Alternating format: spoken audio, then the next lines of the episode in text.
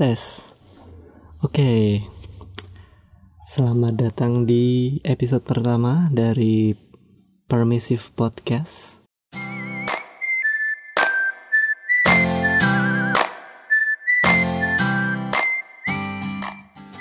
Ini adalah podcast yang udah aku rencanakan sejak tahun kemarin namanya udah aku temukan sejak tahun kemarin rencana pembuatan podcastnya itu udah aku pengen lakukan sejak 2-3 tahun terakhir. Tapi karena selama ini selalu menunda-nunda dan selalu kayak ah antarlah jadi akhirnya nggak jadi-jadi podcastnya. Dan untuk 2018 ini karena ini udah Maret 2018 dan kebetulan awal Maret pengennya biar nggak cuma cangkeman Mbak Ayo bikin podcast. Jadi inilah episode pertama untuk podcast permisif ini. Ngomongin tentang podcast sebenarnya di Indonesia udah ada beberapa podcast yang uh, jalan. Uh, terutama di tahun ini udah bermunculan podcast-podcast kecil dengan berdu dengan durasinya tuh pendek-pendek. Sekitar 5 sampai 15-an menit gitu. Mungkin karena role modelnya mereka adalah podcast lain yang juga dibikin oleh orang Indonesia. Jadi durasinya termasuk pendek-pendek. Aku cukup kaget karena selama ini aku pertama kali mengenal podcast adalah dari Chris Helbig sekitar 2 atau 3 tahun yang lalu dia punya podcast namanya Not Too Deep dan durasinya selalu di atas 40 menit jadi rata-rata sejam lah hitungannya jadi selama ini sejak dari Grace Helbig itu terus aku nyari podcast lain yang dari kreator-kreator lain. Ada David Dobrik ada Only Stupid Answer ada David Dobrik itu punya podcast uh, bareng Jason Ness um, namanya Views. Itu durasinya sekitar 40-an menit terus ada Only Stupid Answer itu biasanya satu setengah jam satu jam satu setengah jam. Terus ada juga Boys Only Club itu punyanya Reina Scully sama Stephen Saptik. Terus ada lagi hmm banyak banyak banget. Oh Godiko dengan Insanely Chill dan sebagainya. Buat kamu yang baru pertama mungkin mendengarkan podcast atau udah pernah dengar istilah ini tapi masih bingung sebenarnya apa sih podcast itu. Sebenarnya podcast ini sama aja dengan kalau kamu dengerin radio. Cuman di sini ya yang diutamakan adalah orang ngomong. Orang ngomongin tentang berbagai macam hal yang menarik perhatiannya berbagai macam hal yang dia sukai berbagai macam hal yang mungkin memang pengen diomongin dengan medium audio nah tapi di podcast itu nggak terbatas pada audio doang karena ada beberapa podcast yang dia baik banget kasih audio dan video. Dan karena beberapa podcast yang aku ikutin itu rata-rata memberikan audio dan video makanya permisif podcast ini aku bikin dengan audio ada versi audio dan ada versi yang ada videonya. Um, dan yang unik dari podcast adalah podcast itu adalah medium yang direkam tanpa melakukan um, sesi editing lah istilahnya. Um, editingnya kalaupun ada editing paling minor. Jadi misal cuma memperbaiki kualitas audionya atau enggak um, ya rata-rata cuma memperbaiki kualitas audio terus nambahin musik opening penutup kalau misal ada segmentasinya dan sebagainya. Uh, ya cuma sekedar itu. Nggak nyampe yang sampai jam cut kayak kalau bikin vlog atau bikin video lain itu kan bisa dipotong uh, durasinya panjangnya mau berapa. Oh ternyata banyak em em nya jadi kalau di podcast ini jadi ketahuan seberapa banyak uh, seseorang itu memotong video atau file raw-nya mereka. Dan menurutku itu menarik karena ketika uh, mendengarkan podcast akhirnya kita bisa tahu sebenarnya kalau di ngobrol biasa seseorang itu gimana sih cenderung cara ngobrolnya dia dan gimana cara dia menyampaikan sesuatu dan sudut pandang apa yang dia punya kalau membahas tentang isu-isu tertentu. Dan itu cukup menarik terutama ketika apa yang dibahas itu sesuai dengan apa ya istilahnya hal-hal yang sebenarnya pengen kita ketahui lebih lanjut. Dan dengan bahasan yang tentu saja istilahnya deket sih deket sama kehidupan kita kalau bagi aku ya sangat dekat dengan kehidupanku. Makanya aku makanya aku suka banget sama podcastnya David Dobrik sama Jason Nash. Sorry itu baru ikoma azan. Ini aku rekamnya jam 12 siang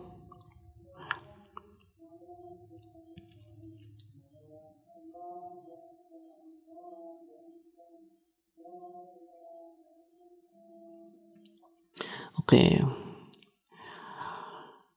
Di podcast ini aku menamakannya sebagai permisif karena apa? Karena aku pengen membicarakan berbagai hal dengan seterbuka mungkin. Artinya aku tidak mau cuma terpaku pada satu pendapat doang. Jadi misalnya aku menemukan bahwa suatu isu itu punya bisa dilihat dari berbagai macam pandangan yang ya nggak ada yang salah.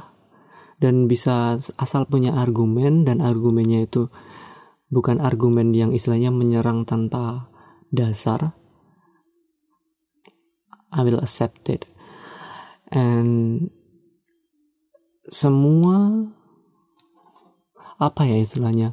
Karena selama ini uh, orang lebih senang berada di posisi abu-abu. Orang bilang dia takut untuk memposisikan diri sebagai yang pro atau yang kontra. Selalu bilang misalnya kalau di status lain itu ada yang bilang sebelum menulis tulisan panjang dia selalu bilang sebelum memulainya saya tidak saya bukan pembela A dan bukan pembela B. Saya hanya menyampaikan perspektif dari A nah padahal sebetulnya sama kayak kalau aku nulis review dan sebagainya itu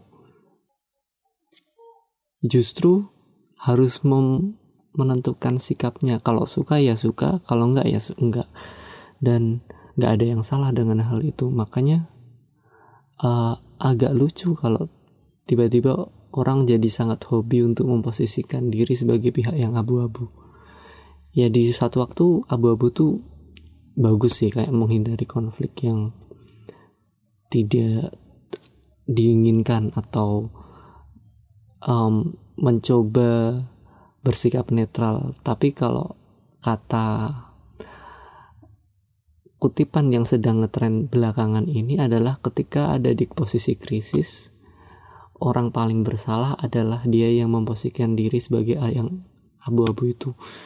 Jadi emang harus ber, berpihak. Mau pro mau kontra silahkan.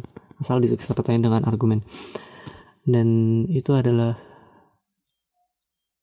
dan itu diakomodasi oleh salah satunya oleh podcast. Dan iya itu sih itu kalau kalau gambaran tentang podcast itu. Uh, dan untuk episode pertama ini sebenarnya ketika di awal aku ada bahasan lain yang pengen aku angkat. Tapi ternyata minggu ini aku mendapati sebuah kejutan sebuah kasus yang melibatkan orang yang nggak cuma aku tahu tapi aku kenal. Karena dia adalah aku bilang mantan guruku waktu SD dan SMP guru les. Tapi tetap aja pemanggilannya sebagai guru dulu. Dan di sini aku menegaskan bahwa posisinya sekarang dia adalah mantan guru. Ada orang yang mungkin bakalan ber kilah bahwa mana ada namanya mantan guru tapi dengan tindakan yang dia lakukan itu benar-benar bikin aku kecewa kecewa yang benar-benar kecewa. Kalau ada orang yang bilang bahwa kekecewaan terbesar adalah kekecewaan guru terhadap muridnya yang melakukan sesuatu yang istilahnya tidak diharapkan menurutku perlu dibalik juga bahwa salah satu kekecewaan terbesar seorang murid yang berdedikasi atau mengagumi seorang guru adalah ketika guru itu melakukan tindakan yang um, di luar di luar bayangan muridnya bakal dia lakukan. Dan si orang ini sungguh benar-benar bikin aku nggak paham lagi karena terakhir aku ketemu itu 2010 oh ya untuk konteksnya ini adalah seorang perempuan yang kemarin habis kena kasus bareng kelompoknya. Kalau kalian sebelumnya kenal Saracen, kelompok penyebar hoax dan um, pokoknya pakai pakai cara busuk buat mengadu domba dengan cara bikin berita-berita bohong. Ini adalah kelompok berikutnya, kelompok besar berikutnya yang akhirnya kemarin baru aja ketangkap di namanya itu aku nggak mau nggak akan nyebut namanya nggak akan nyebut organisasinya apa. Tapi intinya salah satu inisial namanya itu nama kelompoknya ini menggunakan uh, istilah keagamaan. Uh, di sini aku heran sebenarnya karena kalau mau melakukan hal buruk. Kenapa harus menggunakan istilah-istilah yang bersangkutan dengan agama hanya karena untuk menggol istilahnya menggolkan target tujuan-tujuan politisnya dia? Dan kelompok ini nggak cuma satu dua membernya ada ratusan ribu dari berita yang aku baca. Awalnya sih aku cuma baca berita Kompas aku baca ada kelompok ini ditangkap sore-sore itu dua hari yang lalu uh, berita kelompok ini ditangkap ada sekitar enam pentolan yang ditangkap dari dan lokasinya berada di berbagai macam daerah gitu. Ketika ditangkap, salah satunya adalah perempuan yang dibilang berprofesi sebagai dosen di Yogyakarta. Aku nyari berita lanjutannya. Di situ ditunjukkan alamatnya. Lah, kok alamatnya deket banget sama alamat rumahku? Gak cuma deket, jadi kalau istilahnya itu kalau kalian tinggal di daerah Jawa Tengah, Jogja, Jawa Timur mungkin kenal dengan istilah kayak gini. Jadi ada dusun, ada desa. Uh, itu ada di desa itu setara dengan kelurahan, dusun itu di bawahnya kelurahan. Jadi lokasi penang lokasi tempat tinggalnya si pelaku, salah satu pelaku ini yang seorang dosen itu ada di dusun tetang, tetangga dusun. Jadi istilahnya aku tinggal di dusun A, uh, pelaku ini tinggal di dusun B. Karena lokasinya yang sangat deket itu aku jadi penasaran. Aku nyari lagi. Terus ada berita yang dia nunjukin foto sebuah rumah. Aku merasa warnanya putih kusam gitu. Dan aku batin dalam hati kok aku kayak nggak asing ya dengan rumah ini. Pertama tuh kayak oh kok rumahnya jelek, kok rumahnya uh, jelek? Karena mas eh, nggak uh, terawat gitu kan. Warna catnya pudar udah putih putih pudar gitu.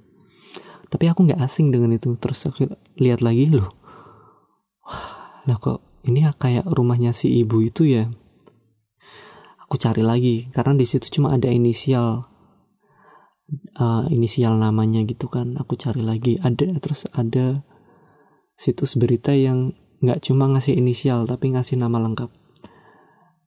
Nah, aku buka situs berita itu. Aku yang bener-bener tau gak sih kalau istilahnya kalau, kalau kalian kenal seseorang dan tiba-tiba orang itu jadi salah satu pelaku tindak kriminal serius gitu loh. Aku soalnya sejauh ini baru baru menemukan dua orang yang paling nggak ada di aku paling nggak kenal gitu loh. Tahu atau kenal. Itu baru dua orang yang uh, melakukan yang terjerat kasus kriminal kayak gini. Dan orang salah satu dari dua orang itu adalah si dosen ini. Dan yang yang si dosen ini nggak cuma kenal doang aku. Nggak cuma tahu dong tapi beneran kenal beneran dulu sering berinteraksi. Jadi ceritanya aku sejak SD dia adalah dosen bahasa Inggris. Sejak SD uh, eh, pelajaran pertama bahasa Inggris yang aku dapat itu ketika aku kelas 4 SD dan di situ karena bahasa Inggris adalah bahasa istilahnya bahasa asing lah karena bahasa pertama aku adalah bahasa Jawa bahasa kedua aku adalah bahasa Indonesia. Bahasa Indonesia pun aku baru lancar ketika aku kelas dua satu dua SD lah istilahnya. Waktu aku pertama kali habis uh, di diberi langganan majalah bubu gitu. Jadi sedang seneng baca karena sebelumnya aku termasuk yang rewel dalam hal baca nggak nggak seneng disuruh diajarin baca gitu. Emang harus inisiatif sendiri baru mau Nah di kelas 4 itu sama kayak aku waktu belajar bahasa Indonesia. Jadi aku baru pertama kali aku belum tahu bahasa Inggris struktur dan sebagainya tuh gimana. Bahkan ketika nonton film pun aku lebih memilih Kenapa sih uh, nggak sekalian di dubbing aja gitu loh. Dan karena keterbatasan itu orang tua aku pun langsung kayak inisiatif yaudah dilesin aja kebetulan salah satu guru bahasa Inggris di SD itu dulu adalah uh, dia punya tempat les-lesan. Uh, dan uh, lokasinya adalah di uh, deket lah di yaitu tadi di di dusun sebelah tetangga dusun tetangga gitu. Dan du, guru SD ku itu uh, itu laki-laki. Um, dan itu adalah suaminya dari si dulu adalah suaminya dari uh, bu dosen ini. Nah, ketika mulai les uh, yang ngajar itu uh, kadang gantian, uh, kadang si bapak si bapak uh, si bapaknya, kadang si yang ibunya ini. Dan aku termasuk yang lama lesnya dengan mereka berdua gitu loh. Dari aku SD aku tuh dari 4 kelas 4 SD sampai kelas 6 SD terus habis itu menjelang U, ujian nasional SMP kelas 3 aku les lagi karena aku merasa guru kelas 3 bahasa Inggris tidak memberikan pemahaman yang lebih gitu loh. Dan ketika les yang kelas 3 itu aku full diajar oleh si ibunya ini. Dan for your information aku bisa menjamin karena aku beneran kenal sama ibunya. Sebelum pokoknya terakhir sampai terakhir aku ketemu jadi artinya uh, ketika zaman zaman UN itu dia belum menjadi seseorang yang kamu bayangkan ketika kamu baca berita kayak gini. Sampai tahun 2010 berarti aku terakhir ketemu itu sekitar 2010 itu belum kayak gini makanya aku kaget banget ketika kok dia terlibat kasus yang bikin aku istilahnya bingung tuh loh. Aku di sini adalah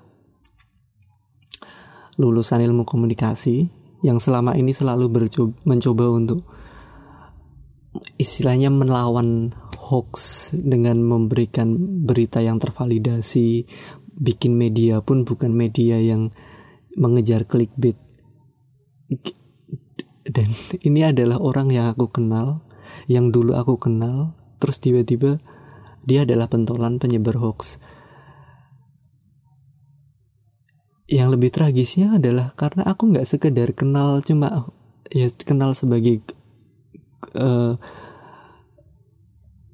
guru murid belajar doang tuh nggak. Karena tempat lesnya itu kan di rumahnya mereka berdua dan di karena di rumahnya mereka berdua aku juga kenal anak-anaknya mereka.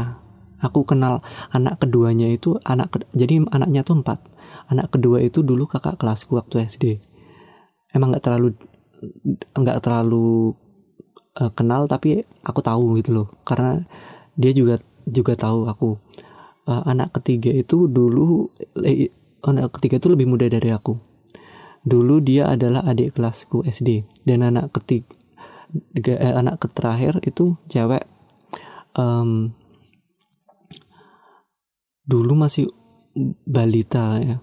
Masih kecil banget. Pokoknya masih masih TK TK kalau nggak salah. Jadi aku kenal anak-anaknya tuh dari mereka masih kecil. Sekarang yang anak terkecil aja udah usia SMA gitu dan mereka anak-anaknya tuh bersekolah di SD yang sama tempatku dulu sekolah. Yang yang hal mengagetkan berikutnya adalah karena gara-gara baca berita itu aku baru tahu bahwa ternyata si ibu ini udah bercerai dengan suaminya yang dulu. Baru-baru tahu banget aku. Sekitar lima tahun yang lalu bercerainya. Dan ketika aku melihat bahwa oh. Jadi lima tahun yang lalu artinya aku aku nggak aku susah main spekulasi di sini karena aku susah membayangkan apa apakah penyebabnya itu adalah si ibu ini mulai uh, terkena paham-paham radikal gitu. Dia pengen melaksanakan berbagai macam kepentingan politik kalau aku bilang karena dulu suaminya ini mantan suaminya ini aku bisa bilang dia adalah um, istilahnya orang yang Islamnya itu moderat bukan bukan orang yang ah, saklek harus gini gini gini tuh enggak.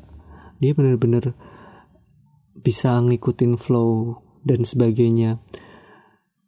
Dan karena tahun kemarin ketika Ramadan tahun kemarin pun si mantan suami ini masih masih mengisi beberapa kali pengajian di rumahku karena rumahku dekat masjid. Jadi aku dengar ketika oh ini suaranya si bapak ini. Tapi aku waktu tahun lalu tuh belum tahu kalau mereka berdua udah bercerai. Dan aku dugaanku adalah yaitu ada sesuatu prinsipil yang memang keduanya akhirnya memutuskan untuk berpisah. Dan dan ketika udah berpisah itu bisa jadi karena kontrolnya sudah tidak ada lagi si ibu ini menjadi gampang lebih gampang untuk dihasut melakukan tindak pidana ujaran kebencian yang disebarkan di Facebooknya dia dengan teknik mirroring dan disebarkan dengan jumlah yang begitu masifnya katanya ratusan ribu itu ngeri banget aku bayanginnya. What? Aku nggak cuma nggak cuma bingung tapi bener-bener kecewa dan kecewa yang nggak tahu harus gimana lagi loh. Karena aku beneran tahu secara personal bayangin aku dari kelas 4 SD sampai SMP loh. Anggaplah aku kenal udah walaupun nggak continuous kelas 4 5 6 terus tambah kelas 3 SMP paling nggak aku 4 tahun lah interaksi langsung sama mereka. Dan tiba-tiba dia terjebak kasus kayak gini aku otomatis juga nggak bisa memaafkan jujur aja aku langsung kehilangan respect. Sebesar apa pun jasa yang dilakukan oleh si ibu ini. Entah dulu udah jadi guru ngajarin bahasa Inggris dari nol ke aku. Tapi ketika dia kejebak kasus oke okay lah kalau kasusnya tuh masih paling enggak kalau, kalau tiap orang kan kalau aku sendiri aku menganggap bahwa setiap orang tuh punya kriteria kasus tertentu yang akhirnya dia masih di level bisa lah dimaafkan tapi karena aku selama ini backgroundku adalah orang yang sangat dekat dengan jurnalistik sangat dekat dengan gimana biar orang itu nggak kejebak di informasi yang salah. Dan tiba-tiba orang terdekatku orang-orang orang yang termasuk dekat lah melakukan sesuatu yang seperti itu yang aku sendiri nggak bisa bayangin. Ternyata ada ya orang yang bisa kayak gitu. Setega itu tuh bukan alasan apa-apa tapi karena media kalau orang mengonsumsi media itu nggak segampang um, istilahnya kamu mengonsumsi media. Yang kamu konsumsi adalah berita yang salah. Ketika nanti udah ada klarifikasinya, belum tentu klarifikasi itu berfungsi untuk istilahnya menetralisir bahwa dulu oh dulu tuh salah. Karena nggak semua orang mau berpikiran sih mau mau dapat klarifikasi itu tuh ketika orang menggunakan agama sebagai cara politis aku bilang bahwa kalau orang udah orang walaupun awalnya menggunakan istilah-istilah agama tapi ketika praktiknya adalah untuk mencapai tujuan tertentu berarti dia bukan lagi untuk ngomongin agama. Bahkan ketika berita yang disebarkan itu berita tentang agama itu udah bukan agama itu udah politik. Dan si ibu ini udah melakukan tindakan politik untuk mencapai tujuannya dia dan kelompoknya. Dan cara mencapai tujuannya itu benar-benar kotor. Orang yang udah terhasut tahu sendiri kalau aku aja termasuk yang agak was-was ketika orang tuaku mereka bukan pengguna internet native gitu loh. Mereka belajar dan cuma tahu basic-basicnya tahu WhatsApp dan sebagainya. Kalau sampai mereka juga terimbas dengan hal yang sama dan itu dianggap sebagai kebenaran. Siapa yang mau disalahkan gitu? Karena rata-rata mereka pakainya anonim dengan broadcast message. Ketika dikonfirmasi dikonfrontasi selalu bilangnya kan gak ada salahnya mengingatkan mengingatkan bahmu informasi yang udah diserap itu biasanya informasi pertama kekuatannya lebih besar daripada informasi berikutnya. Makanya klarifikasi itu lebih berat daripada menerima informasi pertama. Kecuali orang itu emang literasinya bagus emang dari awal dia paham tentang bagaimana mekanisme kayak gini itu berjalan. Tapi kan enggak kelompok politis ini menggunakan cara menyebar berita hoax dengan menyasar orang-orang yang memang bukan etis digital.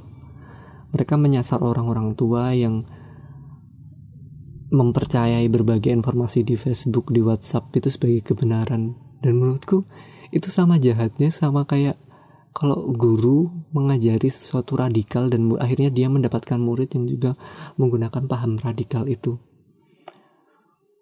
Parah banget. Dampaknya tuh bukan dampak singkat tapi dampak continue yang oh, what the fuck?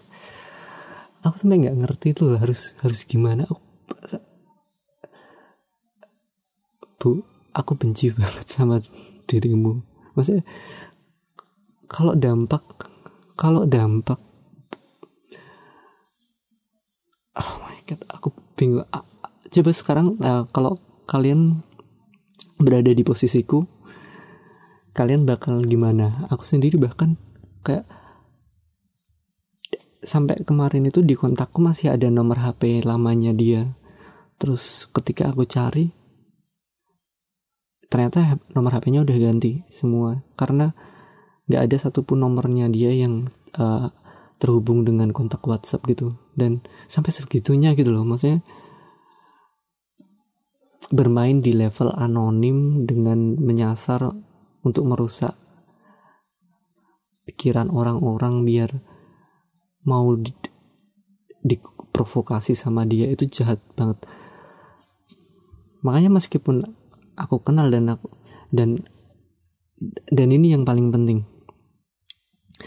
Dengan fakta kayak gini aku bisa bilang bahwa gak ada jaminan orang yang dulu tuh terlihat baik-baik saja terus akan lurus-lurus saja ke depannya tuh nggak bisa. Tapi nggak bisa juga bilang bahwa ketika dia adalah seorang tersangka dulu dari dulu tuh dia emang um, orang yang jahat gitu. Kalau di kasusku ini adalah dia dulu orangnya baik banget Islam moderat dan sebagainya.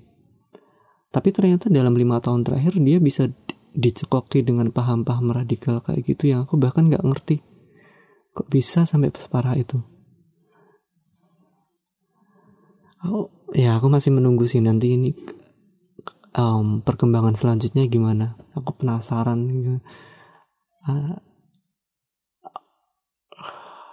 konsekuensi apa yang akan dibebankan ke dia?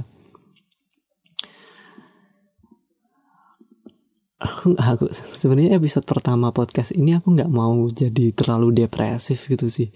Tapi karena kondisinya terasa ternyata memaksa aku harus ngomongin tentang hal ini aku jadi kayak ya gimana lagi? Ini ini isu yang penting ini isu yang mantan guru loh coy. Mantan guruku tiba-tiba jadi pabrik hoax sekarang. Unbelievable. Gak ada di bayangan terliarku seseorang yang aku kenal yang aku yang bahkan selama ini aku berada di kubu sebaliknya dia malah jadi pabrik hoax. What's wrong with this society?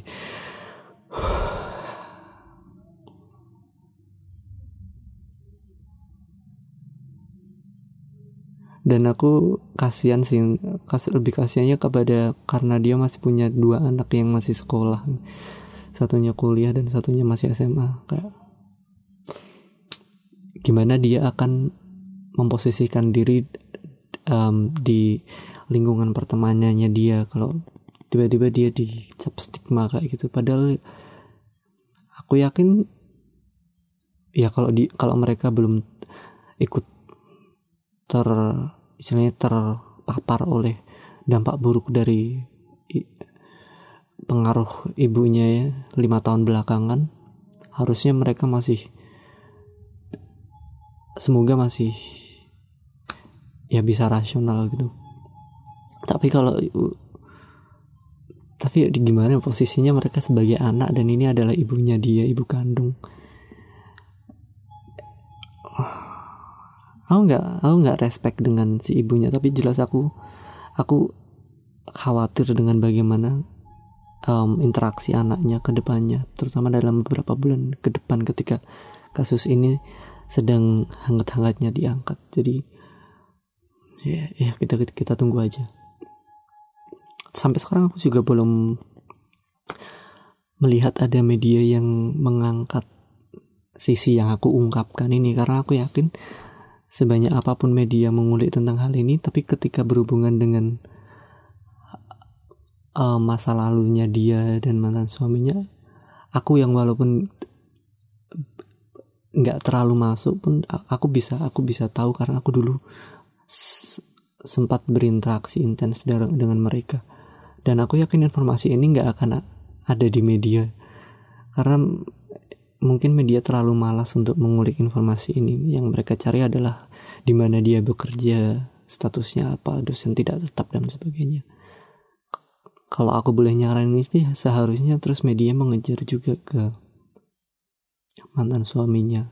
Karena belum ada um, pernyataan itu. Yang ada sekarang adalah pernyataan dari tetangga-tetangganya yang mereka pun clueless karena mereka bilang si ibu ini setelah habis cerai jadi pribadi yang sangat tertutup bisa dipahami sih mungkin karena alasan ya tadi alasan bercerainya prinsipil banget jadi dia merasa kayak sangat, jadi sangat berjarak dengan tetangga dan sebagainya. Kompleks sih. Nama juga manusia kayak aduh pusing. Dalam lima tahun bisa di konversi menjadi sosok yang monster kayak gitu. Susah dibayangkan aku dan di masa mendatang kayak aku nggak pengen lagi ada kejadian orang yang aku kenal yang aku pernah berinteraksi dekat dengan mereka terjerat model-model kasus kejahatan luar biasa kayak gini. Dan oke. Okay mungkin itu aja untuk episode pertama. Udah 30 menit. Um, dengan episode pertama yang agak depresif ini aku harap sih minggu depan bisa aku buat lebih cheerful. Aku bakal cerita tentang hal lain. Aku bakal bisa membahas tentang film tentang pengalaman dan sebagainya yang bisa lebih ya intinya tetap permisif dengan bahasan apa pun yang akan aku omongin ke depannya. Dan semoga orang Indonesia mulai terbiasa dengan mendengarkan podcast karena ini menyenangkan sih. Kalau daripada orang kan orang kebanyakan males baca dan sebagainya. Mereka lebih seneng nonton video dengerin audio dan ini adalah salah satu cara untuk mendengarkan dengan tanpa beban gitu. Bisa didengerin di mana pun dan dengan medium apa pun. Sampai sejauh ini kalau podcast bakalan aku upload di YouTube dan di SoundCloud karena platform untuk podcast di Indonesia ya belum belum belum butuh terlalu sophisticated lah harus pakai hosting sendiri dan sebagainya. Bisa sih pakai hosting sendiri aku karena udah ada pakai websiteku tapi kalau hosting yang harus sudah terintegrasi dengan iTunes dan sebagainya kayaknya belum dalam jangka pendek belum karena ya itu podcast Indonesia belum serumit itu. Penontonnya eh pendengarnya juga masih sangat dikit dan ya itu. Thank you sudah mendengarkan. Jangan lupa dengarkan episode berikutnya. Di Permissive Podcast episode berikutnya. Bye bye